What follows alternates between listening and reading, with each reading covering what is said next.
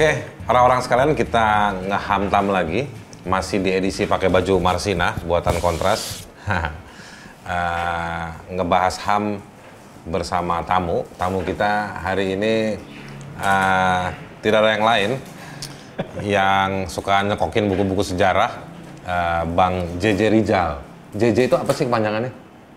Ah, itu nickname, Oh, itu nickname. nama panggilan. Di kampung, gue tuh namanya sebenarnya Rizal. Ar Rizalu kawamuna ala nisa. Kan keluarga, mualim lah di Betawi, kayak kiai Oke. gitu. Jadi anak pertama cucunya yang ngasih nama dia Rizal katanya. Pakai J, DJ.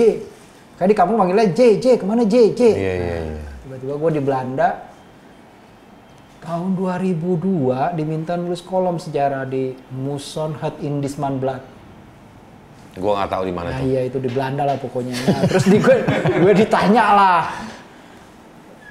Ini namanya cuma Rijal doang. Mana nong, mana prenong katanya. Mana nama sendiri, mana nama keluarga. Iya. Wah, gue bilang ini menghina sekali ya itu. Gue bilang Soekarno aja namanya cuma sepotong nggak masalah. Gue Iya. bilang. Masa kita, Dijawab. masa gua mesti dua potong? Iya, terus dia jawab, ya kamu kan bukan Soekarno. Kata, Wah, aku udah ngajak aja. Lo bilang saya Megawati. Wah, gue gak sanggup, bos. Iya, iya. Ntar kena. Nah, kemudian ngambek lah gue tuh ya. Tapi tulisan gue kirim. Begitu muncul tulisan pertama, eh namanya jadi JJ Rizal, tapi gak pakai titik. Gue tanya kan, ini kenapa tulisnya JJ Rizal? Ya kamu kan di kampung dipanggilnya JJ. Jadi si Sure Bos itu, redakturnya, pernah nginep tiga bulan. Nah, dengarlah gue dipanggil J, J, J, jadilah nama J. Gue keren juga ya. Ya udah Iya, gue iya, pakai lah seterusnya itu. Jadi JJ Rizal tuh JJ itu dari antropolog Belanda ya.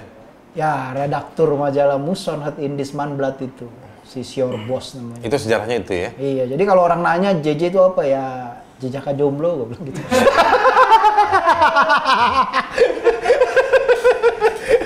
Ini promo. promo oke. Ini JJ Rizal. Eh, dia sejarawan. Eh, sejarawan yang cukup lugas. Eh, bisa diuji, terbuka untuk diskusi. Di sosmed sangat sangat aktif di Twitter sama di IG, Instagram, terutama di Twitter banyak berkomentar berkomentar dari perspektif sejarah. Jadi memang ada beberapa orang yang unik di saya punya teman tem- yang unik-unik gitu. Eh, salah satunya nih JJ Rizal ini saya manggilnya JJ karena apa pun masalah yang muncul di publik dia selalu membahasnya dan melihatnya dalam perspektif eh, sejarah Eh, dan ini perlu diawetkan sebenarnya orang kayak gini ya kan?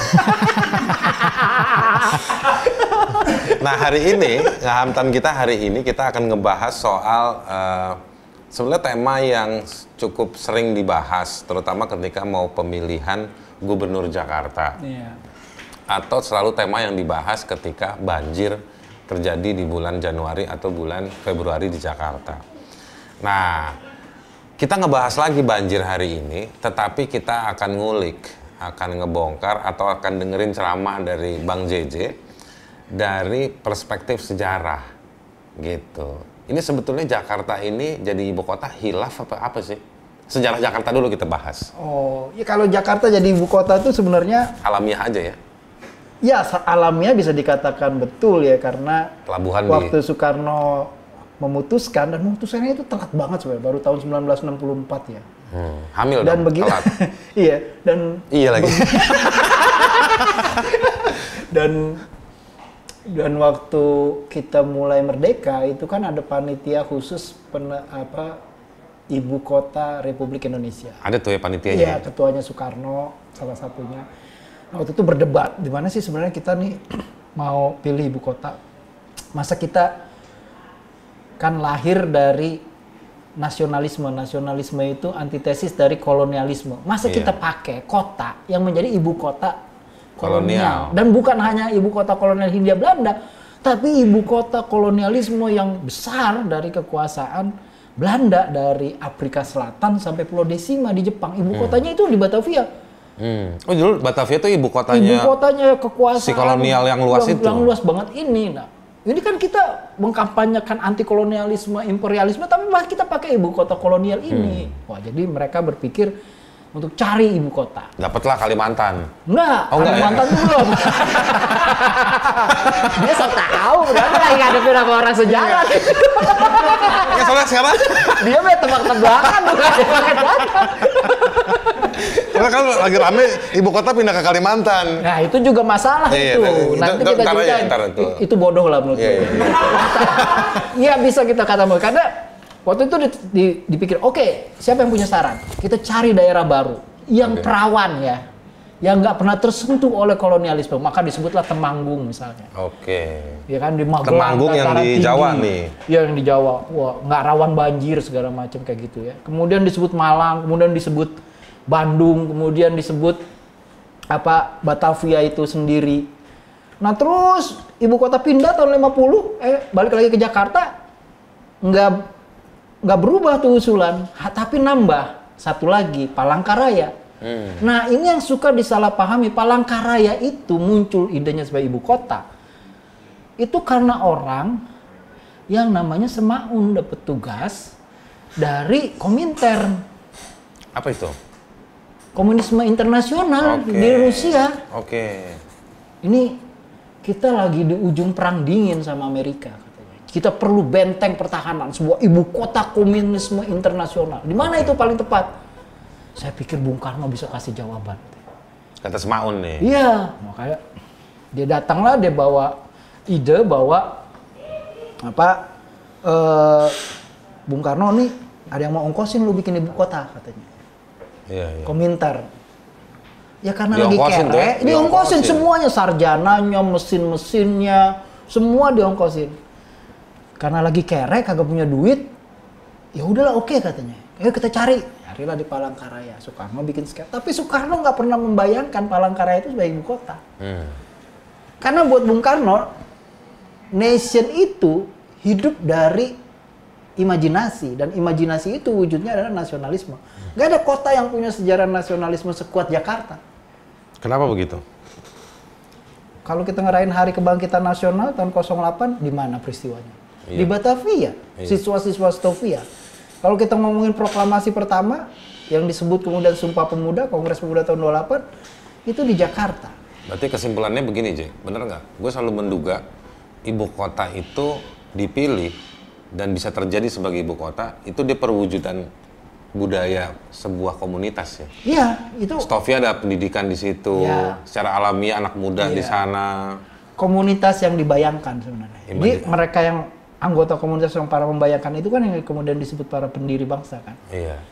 yang disebut sebagai apa funding founding fathers dan founding mothers itu. Nah mereka ini semua mayoritas ada di Jakarta. Jadi mimpi mereka ini yang harus hidup. Karena itu nama-nama jalannya harus nama mereka begitu loh.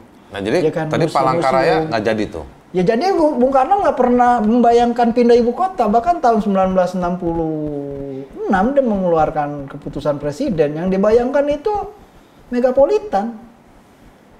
Jadi dia bayangkan lu nggak mungkin bisa punya ibu kota lain untuk memungkinkan Indonesia punya hidup karena bangsa kita adalah hidup dari sebuah imajinasi dan imajinasi itu memerlukan apa pemantik. Dan pemantik itu semua mayoritas ada di Jakarta. Hmm. Di saat itu ya. sampai hari ini. Sampai hari ini kalau kita mau ngomong Indonesia begitu di mana diproklamasin masa lu mau upacara dari Palangkaraya? Kan nggak mungkin. Jalan pegangsaan itu. Lu mau ngomongin Kongres Pemuda ya harus ada di Keramat. Jadi poros kita sebagai nation itu tumbuh pancak-pancaknya itu tuh ada di Jakarta itu Oke. Artinya Soekarno nggak pernah akhirnya jadi mindahin ibu kota. nggak pernah punya bayangan Soekarno memindahkan ibu kota Karena setelah syarat- tahun 1959 ketika dia jadi presiden lagi. Contoh paling gampang adalah ngapain dia capek-capek bangun Jakarta? Dia rubah. Jadi bayangan Bung Karno, Bung Karno kan harus kita ingat dia seorang arsitek. Habis jadi arsitek of nation, dia pengen jadi arsitek beneran yang menggabungkan antara mimpi dia sebagai arsitek of nation sekaligus arsitek engineer seorang benar-benar engineer. Jadi oke nih Jakarta kita terima, tapi gue harus ubah tata ruangnya dari tata ruang kolonial menjadi tata ruang nasional. Dia ubah porosnya. Oke.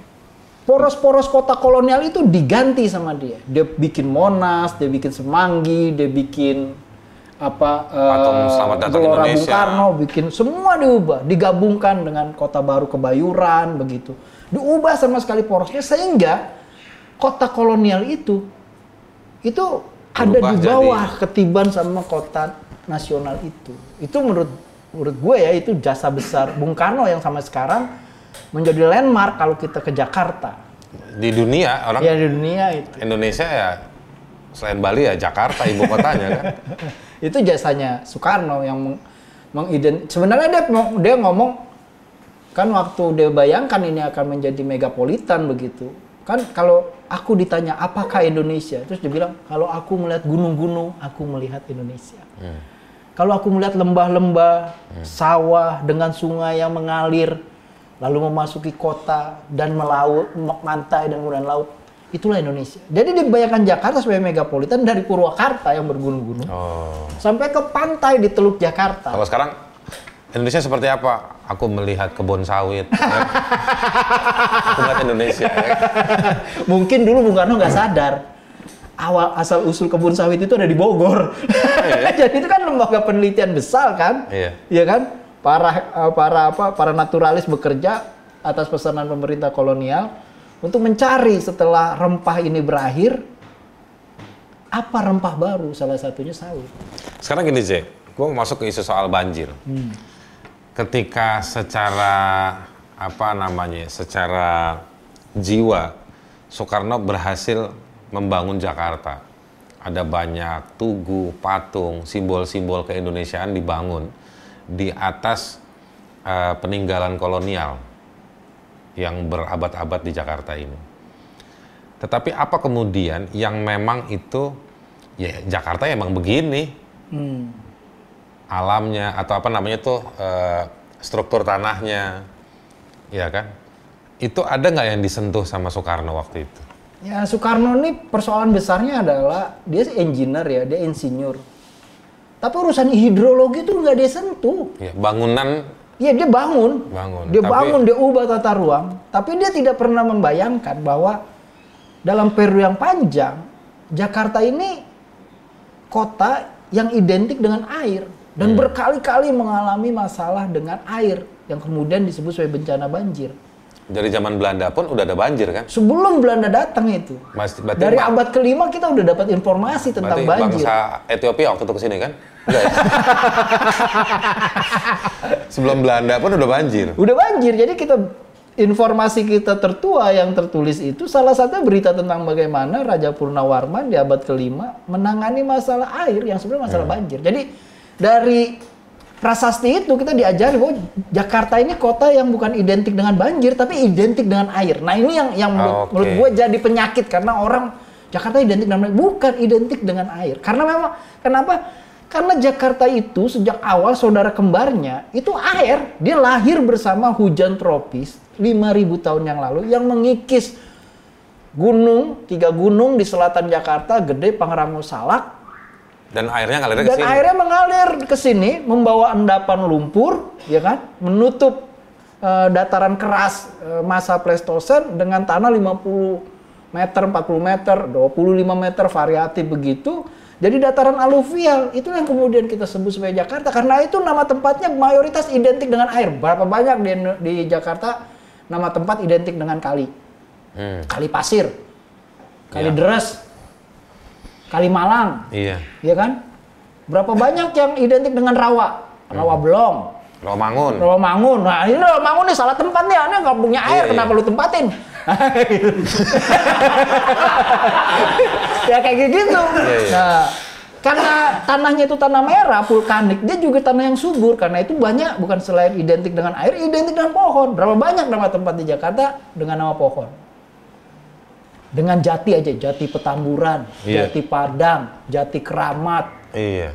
ya kan? Kebun berapa banyak kebun? Ada hutan, hutan kayu, hutan panjang, hutan pitik coba. Kalau Gunung Sari Nah, persoalan ada gunung besarnya, nggak tuh? persoalan besarnya Jakarta tuh nggak punya gunung, tapi apa? Dia punya bukit. Oh. punya gunung, punya bukit kayak gitu. Yang sebenarnya adalah gundukan bukannya bukannya bukannya gunung gitu. Tapi nama-nama itu sebenarnya menjelaskan sebenarnya Jakarta itu apa. Nah, Soekarno tuh nggak pernah membayangkan itu sehingga dalam dia menata tata ruang kota kolonial menjadi kota nasional yang dikeluhkan tuh satu. Soekarno tuh nggak pernah menyiapkan Jakarta itu yang identik dengan air, yang saudara kembarnya air itu bagaimana bisa hidup berdampingan dengan air. Akhirnya dia baru sadar setelah yang dia bangun sejak tahun 19 akhir 1950-an itu dihantam banjir di tahun 60-an. Baru nanti tahun 65 pas ulang tahun Jakarta 22 Juni dia insap dia bikin satu proyek namanya Kopro Banjir. Kopro. Kopro Komando Proyek Banjir. Dan itu menurut gue proyek yang betul. Artinya banjir banjir itu harus ditangani oleh pemerintah pusat dan pemerintah daerah. Apa yang dilakukan sama Kopro Banjir?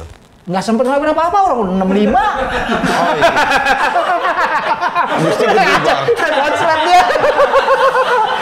sedih banget nggak sempat ngelakuin apa-apa.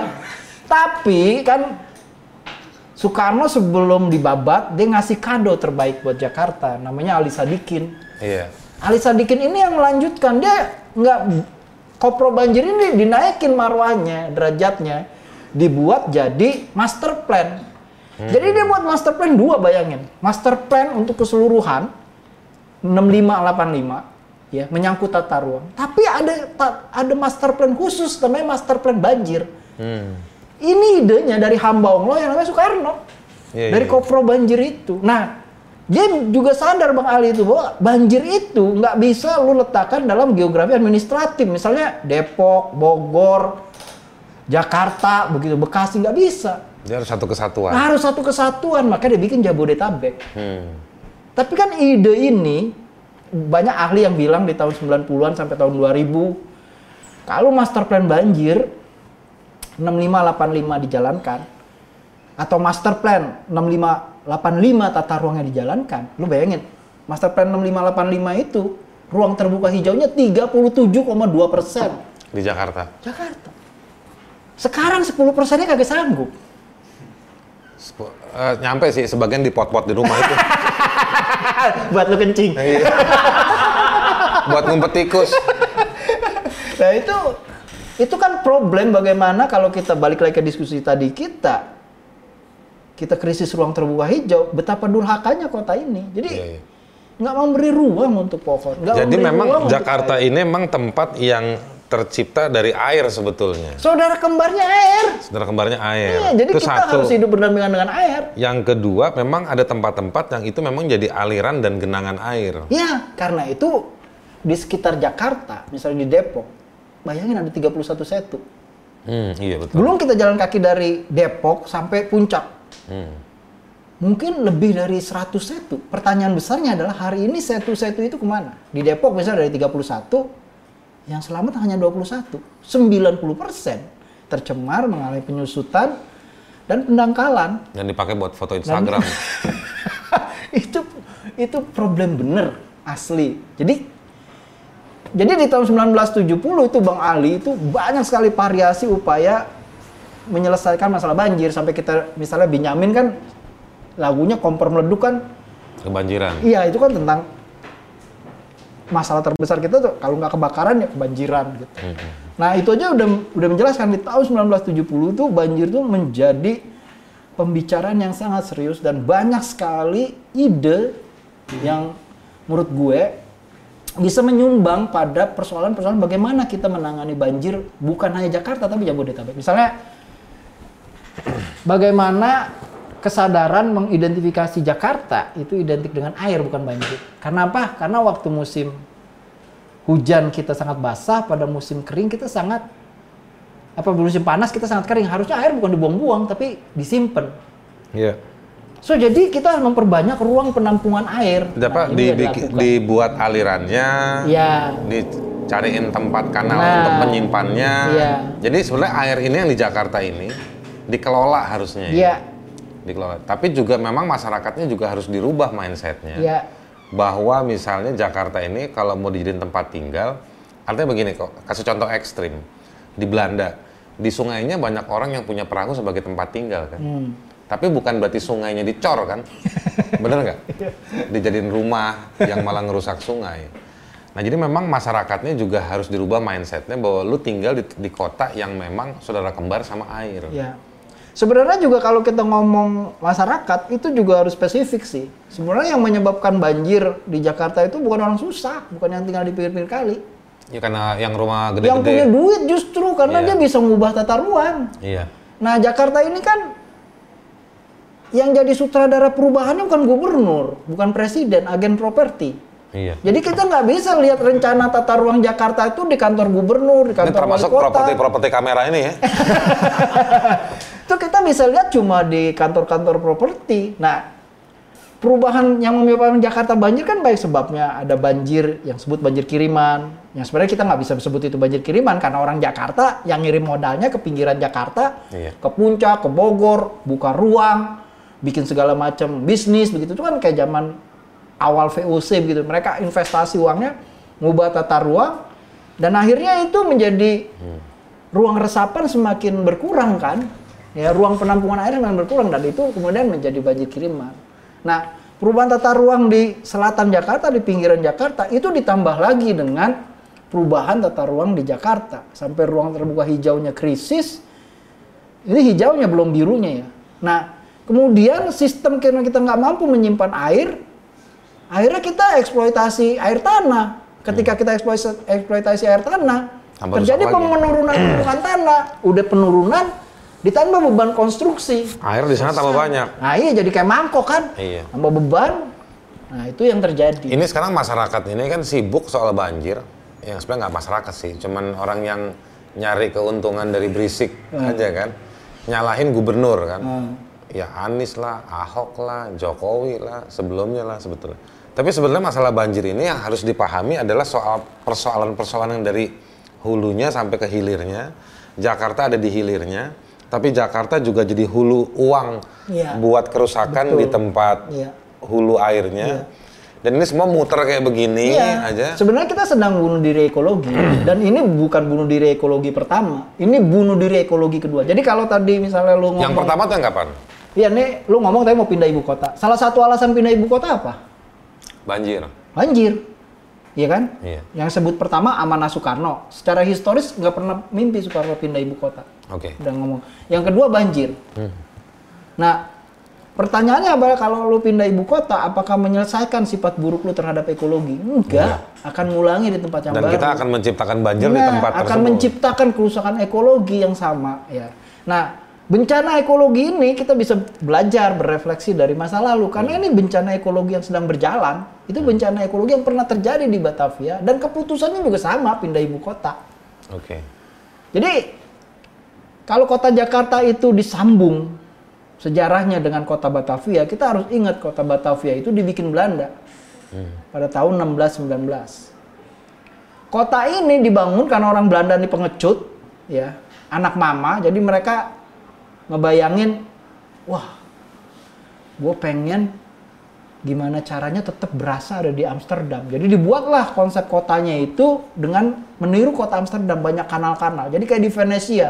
Iya. Nah waktu itu sumber airnya diambil dari mana? Dari sungai-sungai. Jakarta banyak sekali sungai. Dipotong-potong, disodet-sodet, masuk ke dalam kota. Nah, karena mereka ini sebuah institusi, kayak semacam perusahaan VOC ini, multinasional yang sangat kaya, bahkan kata hartanya sekarang setara dengan Microsoft, saking kaya VOC ini. Tapi di dalamnya itu sangat korup. Hmm. Pertanyaan besarnya uang korupnya ini diputar ke mana? Kan kalau orang korup kan Ya gue baca tweet lu berapa hari lalu. Iya. VOC itu hancur karena korupsi. Ya, bahkan yang nyingkat VOC itu Fairhand Onder Korupsi, bukan Perendia Ost Indies Oke. Company. Jadi pertanyaannya adalah, ini uang korupsi ini dipakai buat apa? Dipakai buat investasi. Investasinya ke mana? Nah, cilakanya investasinya itu adalah waktu itu yang paling primadona dan bisa memutar uang dengan cepat, namanya gula. Oke. Gula. Maka gula itu perlu apa? Perlu industri gula. Wow. Industri gula itu perlu penyokong apa? Kebun, Iya. ladang ladang tebu. Space-nya. Di mana kita perlu space itu bisa di mana? Di Omelanden di luar kota Benteng Batavia.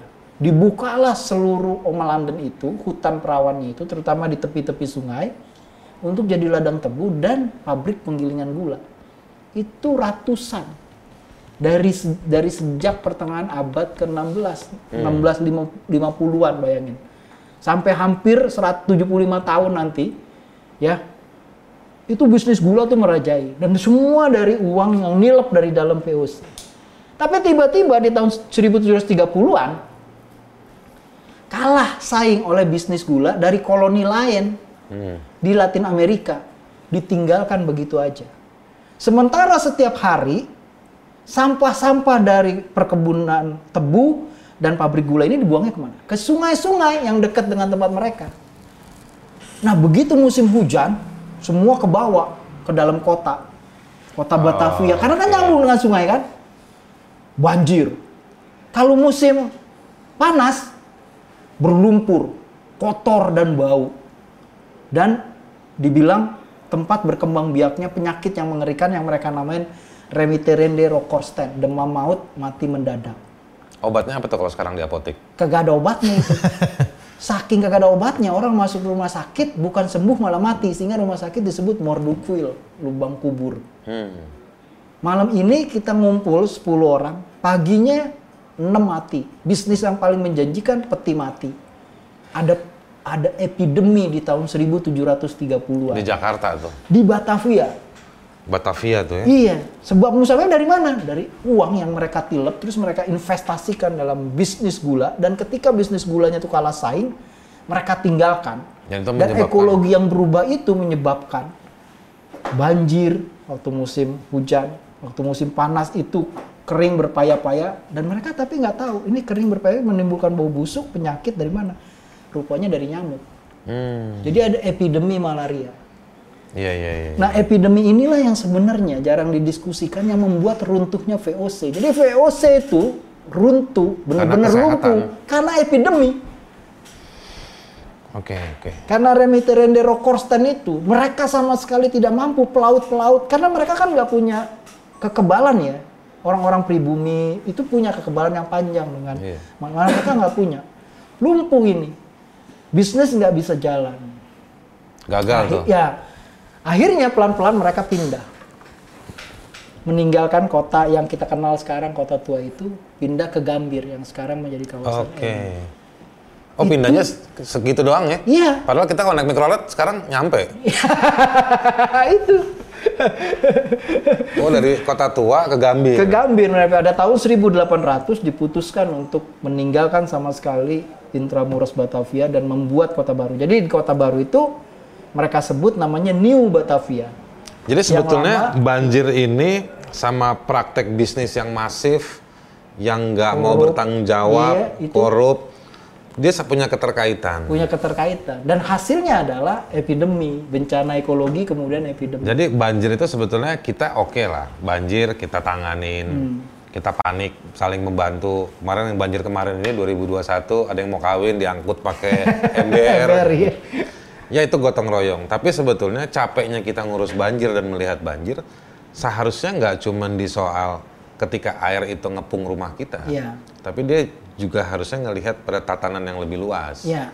Nah ini siapa yang harusnya ngebongkar, menguji, membangun ulang tatanan ini? Setahu gue sih setiap gubernur dan presiden ngomongnya sama. Sama, Janjinya ya? bisa nyelesain pre- nyelesain banjir kalau dia jadi gubernur, kalau dia jadi presiden. Hmm. Jadi pertanyaan itu sebenarnya bisa dijawab sama mereka.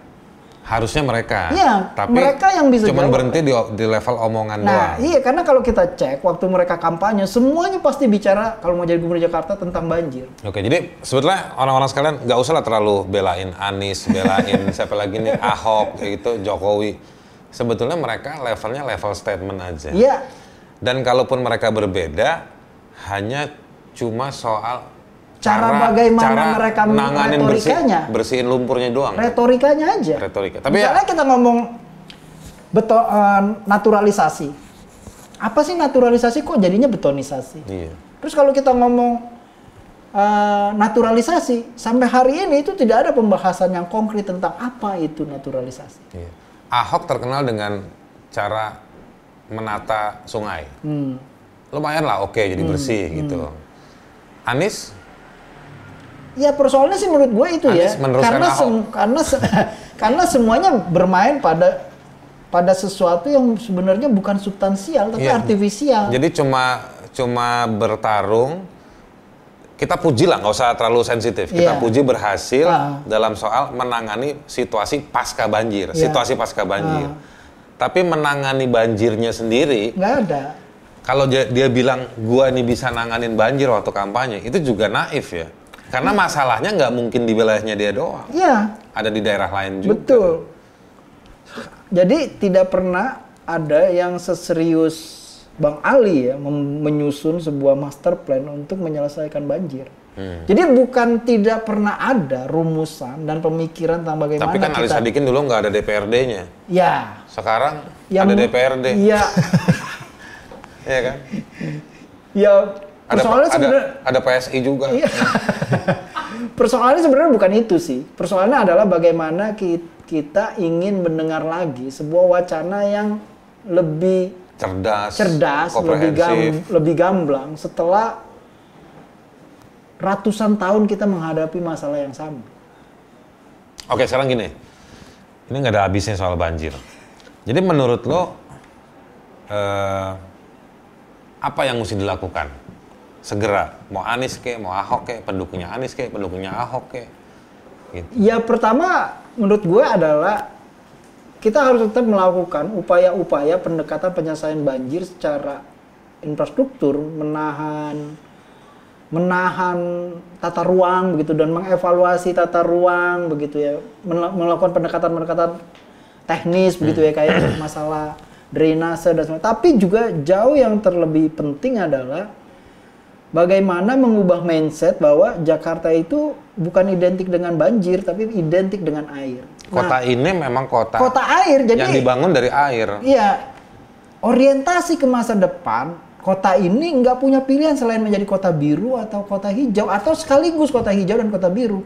Tapi untuk sampai ke sana perlu keberanian luar biasa. Kuncinya ada di tata ruang dan tata ruangnya itu bukan hanya Jakarta. Hmm. Tata ruangnya itu menyangkut Jabodetabek, coba ya.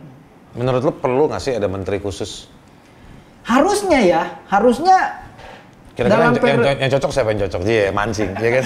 Nggak, nggak usah dijawab. Ntar begitu lo sebut namanya orangnya branding. Ya tapi kalau ada ide seperti itu tuh sebenarnya ide yang udah lama seperti dibayangkan oleh oleh Soekarno kan satu komando begitu ya tentang penyelesaian eh, Ibu kota ini. banjir itu di ibu kota itu. Ah, atau Bang Ali dengan master plan. Jadi yang mimpin itu program bukannya orang. Jadi nggak perlu tanya siapa, tapi programnya apa. Nah ini kan yang nggak diobrolin. Kita juga ya, gimana obrolin? Bukan program, Dengerin- di sini bukan programnya apa, tapi lobangnya di mana? Biar gue masuk. ya problemnya sih seperti dibilang oleh Tamrin waktu tahun 1932 dia Tamrin Amal mo- bukan Muhammad. Husni Tamrin ya. Tahun 32 dia melihat banjir besar di daerah Pekambangan, Palmerah dulu dibilang. Persoalan bes- terbesar dari banjir adalah kita hanya bicarakan banjir waktu musim hujan datang dan banjirnya datang. Iya. Tapi setelah musim hujan pergi dan banjirnya pergi, lalu dia datang lagi, baru kita bicarain.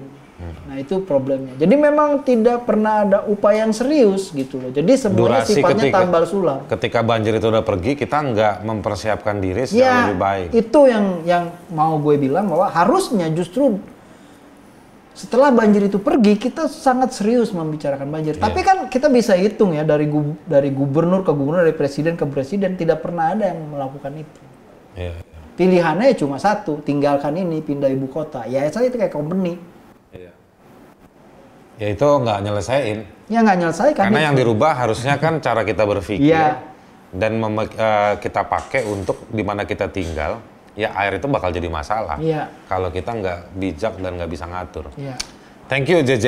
Eh, satu hal yang penting, eh, lu nggak perlu kuliah teknik perkotaan.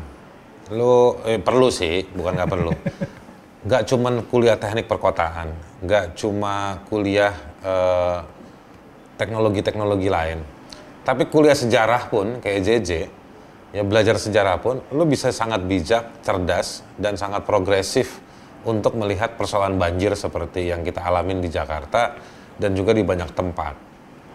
Jadi dari ilmu sejarahnya JJ, dari pengetahuan sejarahnya JJ Rizal, kita bisa melihat secara komprehensif bahwa apa yang kita misu-misu rame-rame itu adalah cara menyiasati banjir.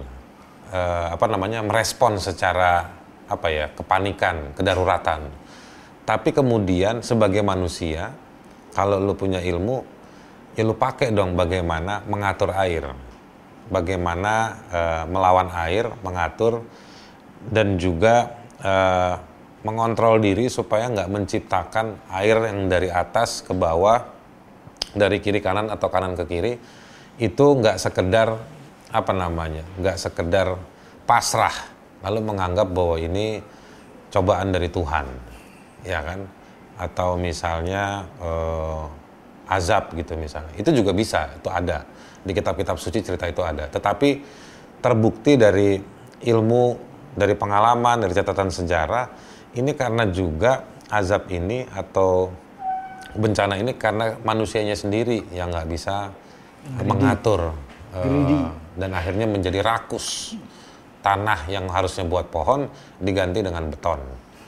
Uh, akhirnya inilah yang kejadian sama kita semua. Anda nggak mau mikir, yang Anda bisa lakukan, Anda hanya nyalahin siapa pemimpinnya. Uh, pemimpinnya punya tanggung jawab, tetapi pemimpin pergi, kita jabatan kita sebagai warga nggak tergantikan, gitu. Jadi Bayangkan jika suatu hari Jakarta nggak ada gubernur setahun, lu mau nyalain siapa? Kita ketemu lagi di ngehantam berikutnya, ya kan? Thank you JJ. Kasih saya kesempatan untuk lebih serius dengan akun YouTube Haris Azhar Channel. Komunitas Cendol Production membantu saya untuk memproduksi, ya kan? Supaya tiap dua hari bisa ada video baru saya tidak akan respon setiap saat komentar yang ada di setiap video. Tapi saya akan banyak belajar dan tetap mencoba merespon pada kurun waktu tertentu semua komentar-komentar yang muncul di tiap video. Jadi jangan takut untuk berkomentar karena itu milik kita untuk saling bertukar informasi dan saling mengapresiasi.